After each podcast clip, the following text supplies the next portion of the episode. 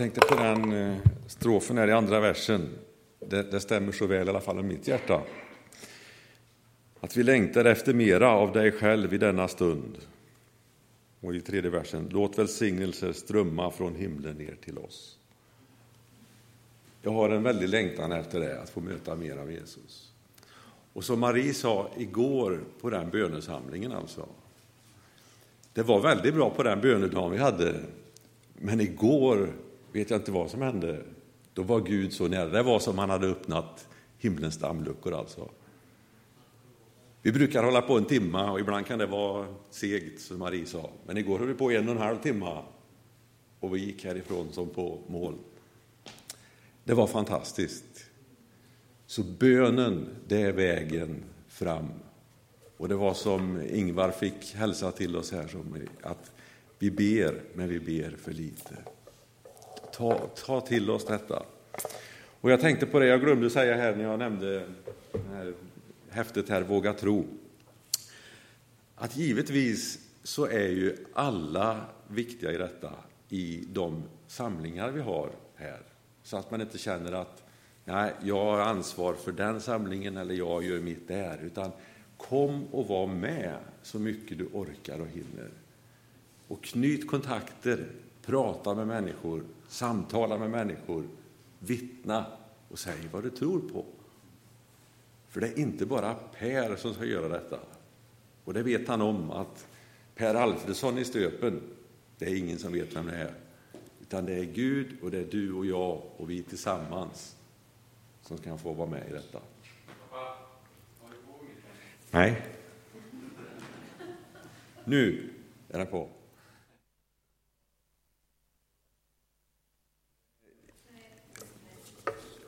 Jo, den lyser grönt. Men jag, kan inte, jag ska prata också kanske. Så om jag ställer mig här nu, hörs det då? Nej, men det lyser grönt. Så är det. Då får vi köra den. Ska jag ta med den här då? Det kan jag göra. Vad skönt.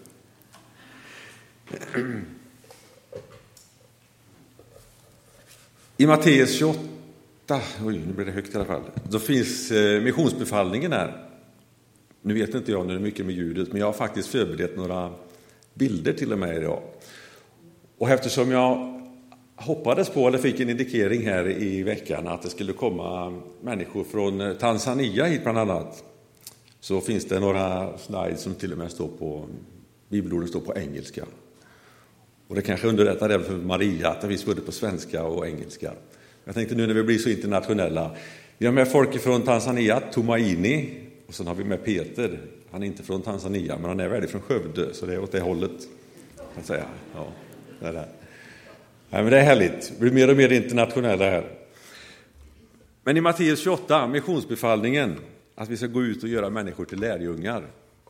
Det är någonting som vi behöver fundera på ibland. Och det är ju liksom ingen fråga, eller eh, Gud, Jesus säger liksom att ja, har ni inget annat att göra eller känner ni för det så kan ni kanske gå ut och göra människor till lärjungar. Utan det är ju en befallning, det är ett utropstecken efter. Så det är ingenting vi behöver fundera på på, den, på det sättet. Utan det är någonting som vi ska vara upptagna med och jobba med under tiden vi är här nere, så att säga. Det är vad vi har... Jag trycker på den. Ja, hur gör man då? Ja, så. Perfekt. Det är så mycket idag, high tech. Nej, men gör alla folk till lärjungar, står det. Och det är det vi ska vara upptagna med när vi vandrar här nere. Och det finns ett fantastiskt löfte i det också, där Jesus säger att jag är med er alla dagar till tidens slut. Och det tycker jag det är ju väldigt fantastiskt och väldigt härligt. Det är ingenting vi behöver känna att vi ska göra på något sätt i egen kraft, på eget vis, utan Jesus är med oss varje dag i detta. Och jag vet inte om du någon gång har funderat på vad Gud har för plan B, så att säga, om vi väljer att inte göra detta. Har du tänkt på det? Vad har Gud för plan B? Nej, precis. Just det.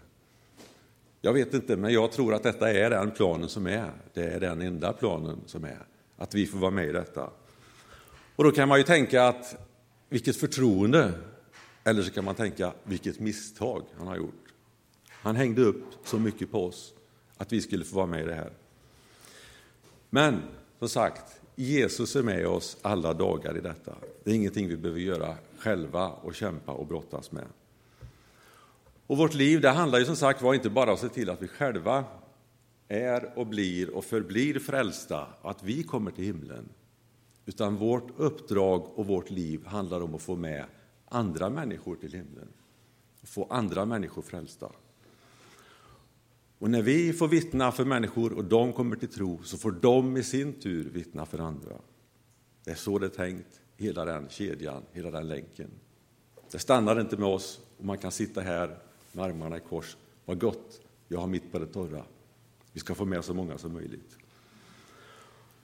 Och för att få detta att stämma och orka och fungera hela vägen så är det viktigt, precis som jag skrev i första bilden, om den funkar, att vi behöver ha blicken fäst på Jesus hela tiden.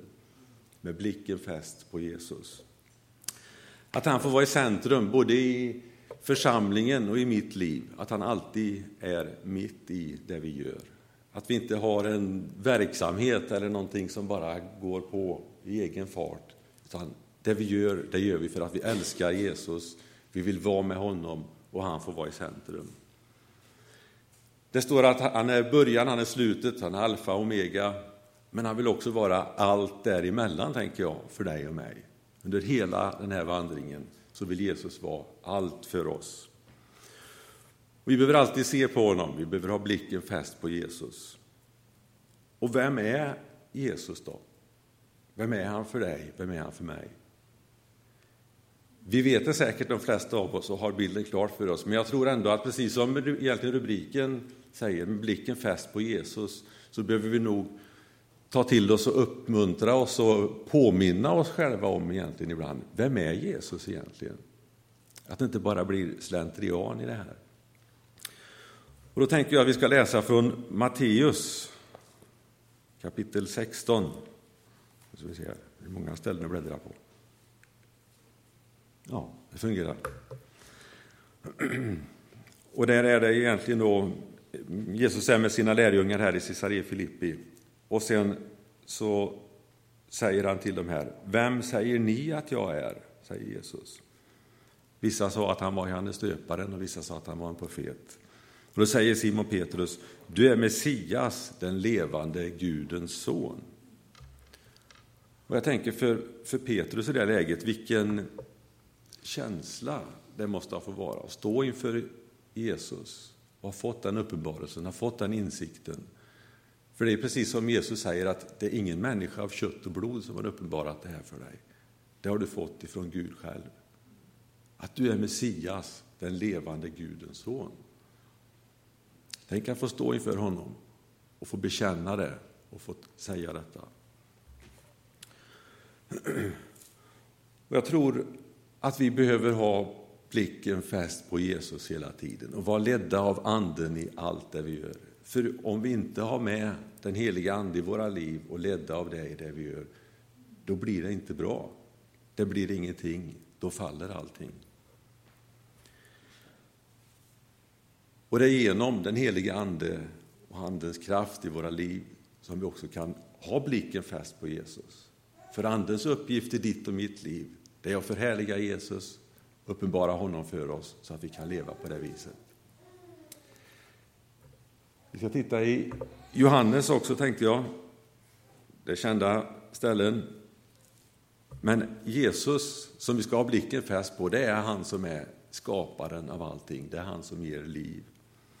Allt blev till genom honom, och utan honom blev ingenting till av det som är till. I honom var livet, och livet var människornas ljus, står det. Allt blev till genom Jesus. Han får vara livet i oss, och vi får livet genom honom. Och det är genom honom vi ska leva vårt liv varje dag. Och jag vet inte, men precis som jag känner mig ofta när jag står där framme med lite torr i halsen, som ni säkert hör, så tror jag de flesta av oss har känt att man är, när man är riktigt, riktigt törstig och det är torrt så det knasar ner i halsen.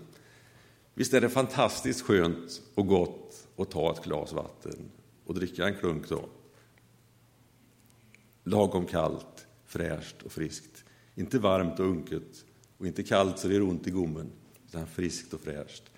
Och precis så vill Anden vara i våra liv.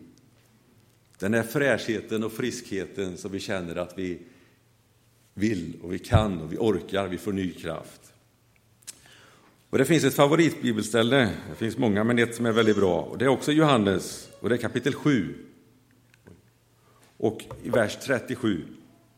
Och där står Jesus, på sista dagen i högtiden står det, och han ropar, om någon är törstig, kom till mig och drick. Och den som tror på mig, som skriften säger, ur hans innersta ska strömmar av levande vatten flöda fram flyta fram. Och det sa han om anden, står det här. Och det får vi ta del av idag. Vi kan få ta del av mycket, mycket mer av Andens kraft i våra liv.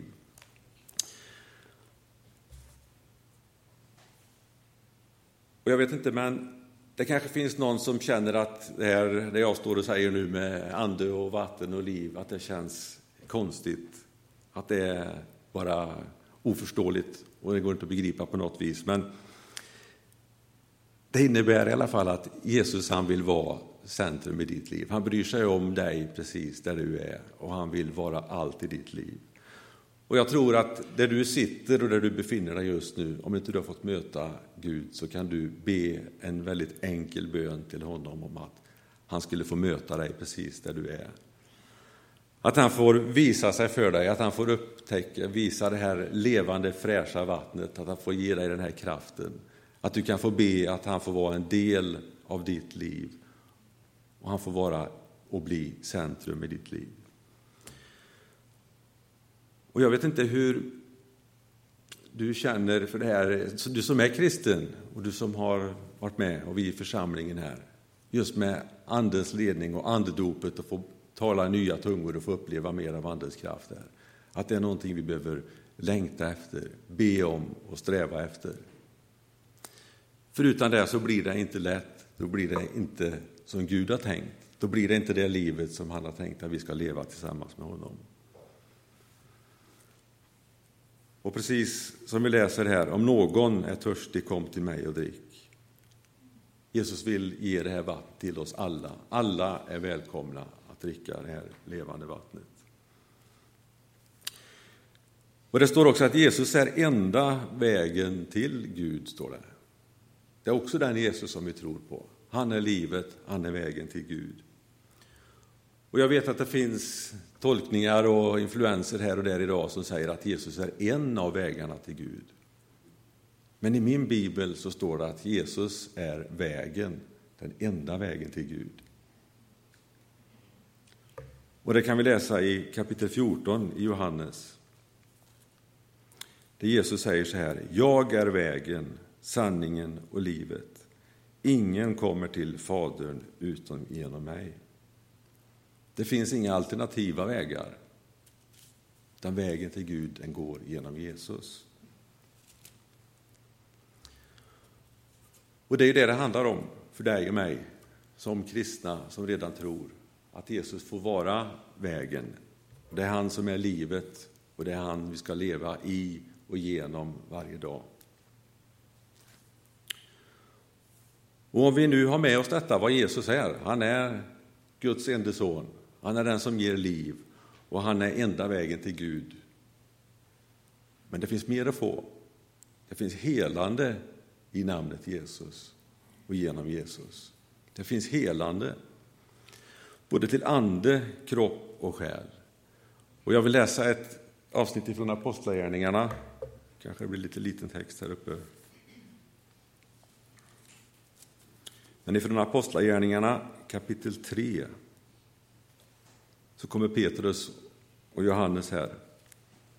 Det sitter en lam man vid ena porten in till Jerusalem. Han har suttit där länge. Och Petrus han fäster blicken på honom och säger Se på oss. Och mannen såg uppmärksamt på dem och väntade sig att få någonting. Men Petrus sa Silver och guld, det har jag inte, men vad jag har, det ger jag dig. I Jesu Kristi Nazarens namn, res dig och gå. Han grep honom i högra handen, reste honom upp och genast fick mannen styrka i fötter och vrister och han hoppade upp och stod upprätt. Han fick styrka och kraft direkt. Han blev helad. Han hoppade upp, står det. Och Petrus och Johannes de hade inte pengar, de hade ingenting att ge honom av det han kanske hade förväntat sig. Men det de hade, det säger de, men vad vi har, det ger vi dig. I Jesu Kristi namn, stå upp. Han fick uppleva helande. Vad jag har att ge dig, det handlar inte om, du talade om det väldigt bra in på Reclaim här i fredags. Vad jag inte har, det är inte det det handlar om. Men det jag har, att jag får ge det lilla jag har. Det jag kan tycka är obetydligt eller det är inte värt någonting. Men när Jesus får göra sitt till det, när han får välsigna det du av all kärlek och glädje lägger fram, då blir det någonting fantastiskt av det. Och du och jag, vi behöver ha blicken fäst på Jesus, så att vi kan återspegla honom, så att vi också kan få gå ut och vara frimodiga och säga i Jesu Kristi namn, var helad. Det är vårt uppdrag. Vi behöver ha blicken fäst på honom så vi vågar och att vi kan det. Att den helige Ande får leva i oss. Det finns helande också i namnet Jesus. Han ger oss liv, han vill upprätthålla oss och han är med och helar. Och inte nog med det, han vill vara din glädje i livet också. Han vill ge dig glädje, han vill glädjas med dig, han vill vara det som är centrum i ditt liv. I Lukas 1 så står det innan Jesus föds att han ska bli din glädje och fröjd. Och så står ängeln där och talar till Sakarias och säger jag är sänd för att tala till dig och ge detta glädjebud. Och vi vet att budskapet om Jesus och evangeliet vi har, det är ett glädjebudskap. Och det är den hälsningen som jag vill ge dig idag. Att känner du dig nedstämd, modfälld, så vill Jesus ge dig glädje på nytt idag. Han vill lyfta dig upp och han vill att du ska kunna gå härifrån fylld av glädje och ha blicken fäst på honom. Och leva ett välsignat liv där han får vara i centrum. I Hebreerbrevet 12 så står det att vi ska ha blicken fäst på Jesus. Ja. Att vi alltid ska ha blicken fäst på Jesus, att vi ska tänka på honom så vi inte tröttnar och tappar modet. Och vad viktigt det är det vi står i här, att vi hela tiden vi tänker på honom, vi har blicken fäst på honom så vi inte tröttnar, vi tappar inte modet.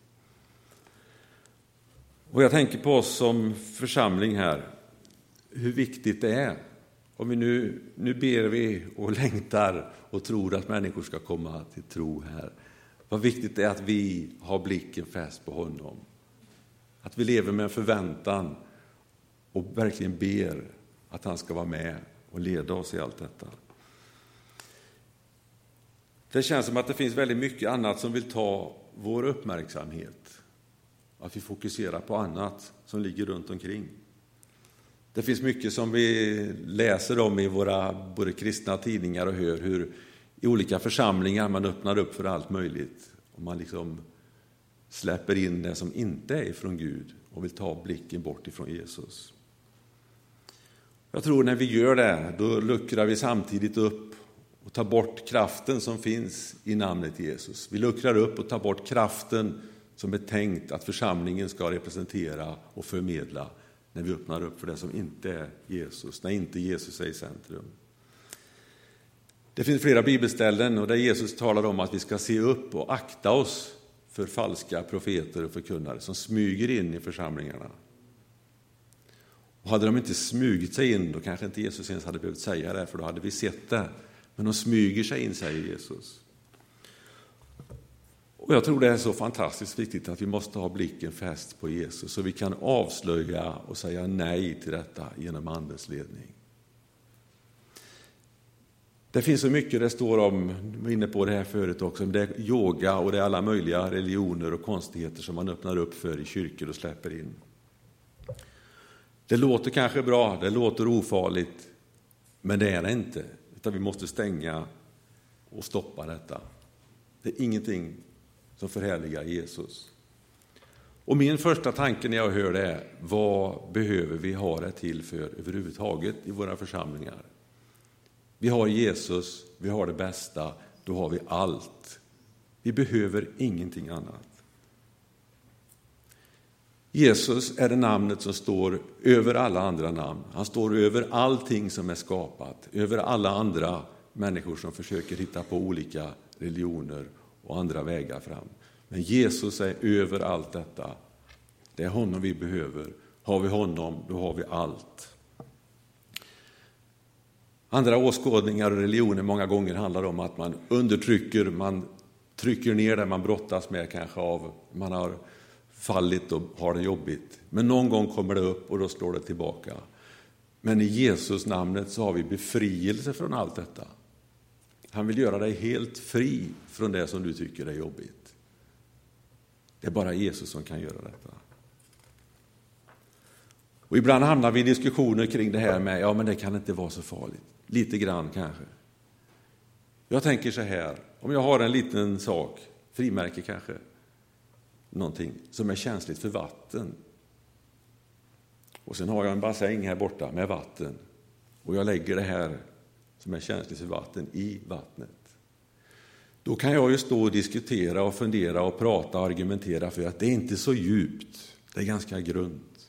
Det är salt vatten, det är bräckt vatten, det är olika, det är kallt, det är varmt. Men det spelar egentligen ingen roll, för är vattnet där och det jag inte tål vattnet, om jag lägger det i vattnet, då blir det förstört. Det bästa då är att låta bli vattnet och hålla den här vattenkänsliga saken därifrån. Vi behöver inte diskutera egentligen så mycket mer vad som är bra och vad som är dåligt. Och när det gäller till exempel yoga, som är så inne på många håll, Alltså i grund och botten så handlar det om att du öppnar upp ditt innersta, du öppnar upp ditt sinne för andra andemakter och andra demoner att komma in i ditt innersta. De här olika hälsningarna och poserna och allting som finns i detta, det är olika sätt att tillbe olika gudar. Sen kan vi säga vad vi vill eller argumentera oss trötta på saker och ting, men det är det som det är i botten. Och du som utövare av detta, det är du själv som bär fram dig själv som ett offer inför de här gudarna. I Romarbrevet kapitel 12 står det att vi ska bära fram oss själva som ett levande offer inför Gud. Det är vårt uppdrag, det är vår uppgift. Som sagt var, varför ska vi diskutera andra vägar i så fall överhuvudtaget? Var sätter vi gränsen? När passerar vi gränsen? Vi ska inte ta in det överhuvudtaget. Vi ska fästa blicken på Jesus.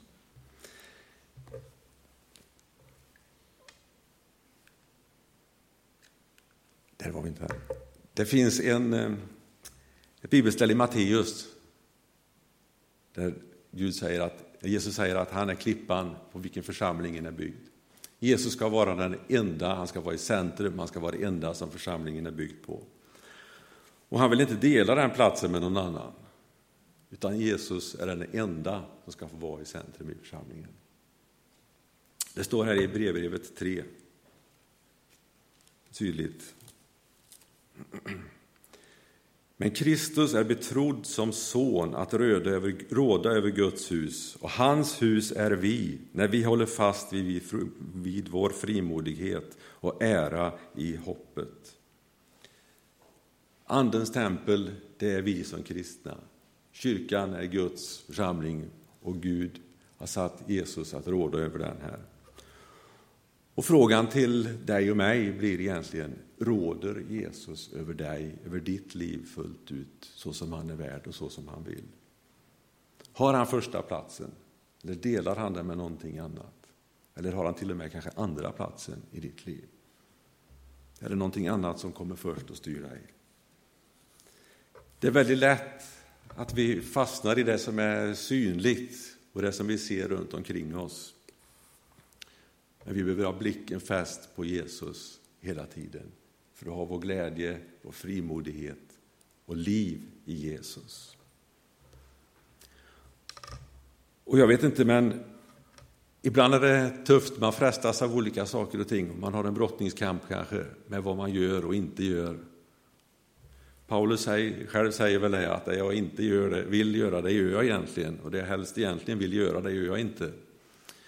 Och jag tror det kan vara så med ditt och mitt liv också, att vi brottas med olika saker och känner att nu gör jag detta, fast jag vet innerst inne att det är inte det som är rätt. Det känns inte riktigt bra, men ändå så gör jag det. Då kan det vara så att du kanske har fäst blicken på någonting annat. Du har kommit bort ifrån Gud. Du behöver komma tillbaka och fästa blicken på Jesus och känna att det är honom jag tittar på, det är han som leder mig rätt. Det står i Jakob kapitel 1. Nej, jag hade inte med det. I Jakob kapitel 1 att Gud frestas inte av det onda och Gud frestar inte heller någon, står det. Vilket innebär, om du känner dig frestad och dragen till olika saker som inte är gott och som du känner är fel, då är det nog egen kraft som du är ute och går. Och då har du tappat fokus på Jesus. Då behöver du komma tillbaka till Jesus igen, och fästa blicken på honom, för då vet du att då går man rätt. Och han frestar inte, utan han hjälper dig att leva och överleva genom de här frestelserna. Det finns ju en väldigt talande bild på det kan jag tycka, på Petrus när han går på vatten. Han ser Jesus framför sig. Han kliver ur båten och går. Han tittar på Jesus. Så länge han tittar på Jesus, då går det bra. Men sen tittar han lite grann vid sidan och då börjar han sjunka. Det blåser mycket vet vi, står det, men det är inte vinden i sig som får Petrus att sjunka. Utan när han såg på vinden och såg på det runt omkring, då började han sjunka. Han tog bort blicken från Jesus. Och då började han sjunka. När vi tittar på annat som är runt omkring oss, när Jesus inte är i centrum, då kommer de här jobbiga bitarna in i våra liv. Det finns en bild till i Matteus 28, där, i bergspredikan, när Jesus bland annat talar om, om äktenskapsbrott. Och han säger att den som ser åt en annan, den som börjar titta på en annan, där börjar brottet.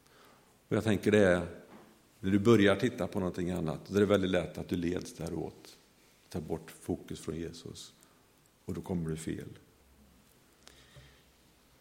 Jag skulle vilja uppmuntra oss här idag till att hålla blicken fäst på Jesus. Och känner du att jag har nog tappat fokus lite grann, jag har fäst blicken på någonting annat som drar mig bort ifrån Jesus, som får mig att känna mig nedtyngd, som, känner, som får mig att känna att jag misslyckas, att jag faller, jag orkar inte riktigt stå upp. Fäst blicken på Jesus här idag igen. Det finns en anledning till att han vill att vi ska titta på honom. För Jesus vet att det är honom vi behöver. Har vi honom, då har vi allt. Och då har vi liv i överflöd. Men när vi öppnar upp för annat, när vi tittar vid sidan om, då kommer problemen över oss. Jag skulle vilja visa en bild, men jag tror den hoppar ur här nu, den sista sliden, om vi kan få upp den. Den sång som jag tror Maria kan spela, för hon spelar den innan gudstjänsten här. Det är Fäst dina ögon på Jesus, står det. Se in i verkligheten själv. Alla ting runt omkring smälter bort som snö i ljuset av hans ära och makt. Fäst dina ögon på Jesus, se in i verkligheten själv. Se upp till hans kors och du ser hans triumf i den död som blev livet för oss. Och det vill jag ge till oss alla här idag. Att Jesus, det han gjorde på Golgata kors, det han dog för dig och mig, det var för att du och jag skulle få ett liv, ett liv som vi får känna är värt att leva, ett liv med, i glädje och i helande, och där han är med. Vi kanske kan sjunga den här och under tiden så vill jag ge dig också en inbjudan, du som känner att jag vill ha hjälp i förbön för detta. Jag vill att någon ber för mig. Jag vill att någon lägger en hand på min axel kanske och bara ber in i mitt liv. Jag vill nämna någonting för någon som kan vara med och bära mig framåt. Välkommen fram, eller om du går till någon som du känner att du har förtroende för. Här. Jag tycker det är så viktigt att vi har de möjligheterna när vi samlas och träffas i alla fall, att vi tar den tiden. Och att vi kan få uppleva precis som när vi kände vid bönesamlingen här, när Jesus bara öppnar till himlen och känner att han får röra vid oss och fylla oss med glädje på ett sätt som inte går att uppleva på något annat sätt. Jesus, jag tackar dig för att vi får eh, känna att vi får fästa blicken på dig här nu, Jesus. Jag tackar dig för att vi får ha vår blick fäst på dig, Herre, för då får vi uppleva helande, vi får uppleva glädjen i dig, Jesus. Och herre, jag ber om det finns någon här idag som känner att man är modfälld och känner sig nedstämd, Herre. Herre, kom och lyft den personen upp idag nu Jesus. Och jag ber Herre om det är någon som känner att det här skulle jag vilja prova, jag skulle vilja veta mer om det Herre. Så möt den personen, rör vid hjärtan Herre och visa dig själv Herre. Låt oss få känna att vi kan få dricka av det här vattnet som ger liv, vattnet som gör att vi inte behöver törsta, vattnet som gör att vi längtar efter mer av dig Herre. Vi får leva ett liv tillsammans med dig Fader. Jag ber Herre att du ska röra vid din församling här. Du rör vid var och en som är här den här förmiddagen Herre. Du ser alla som sitter i bänkarna framför mig nu Herre. Tack att du går från person till person Herre och du kramar om, du lägger dina händer på varje människa Herre. Och visar dig för var och en Herre.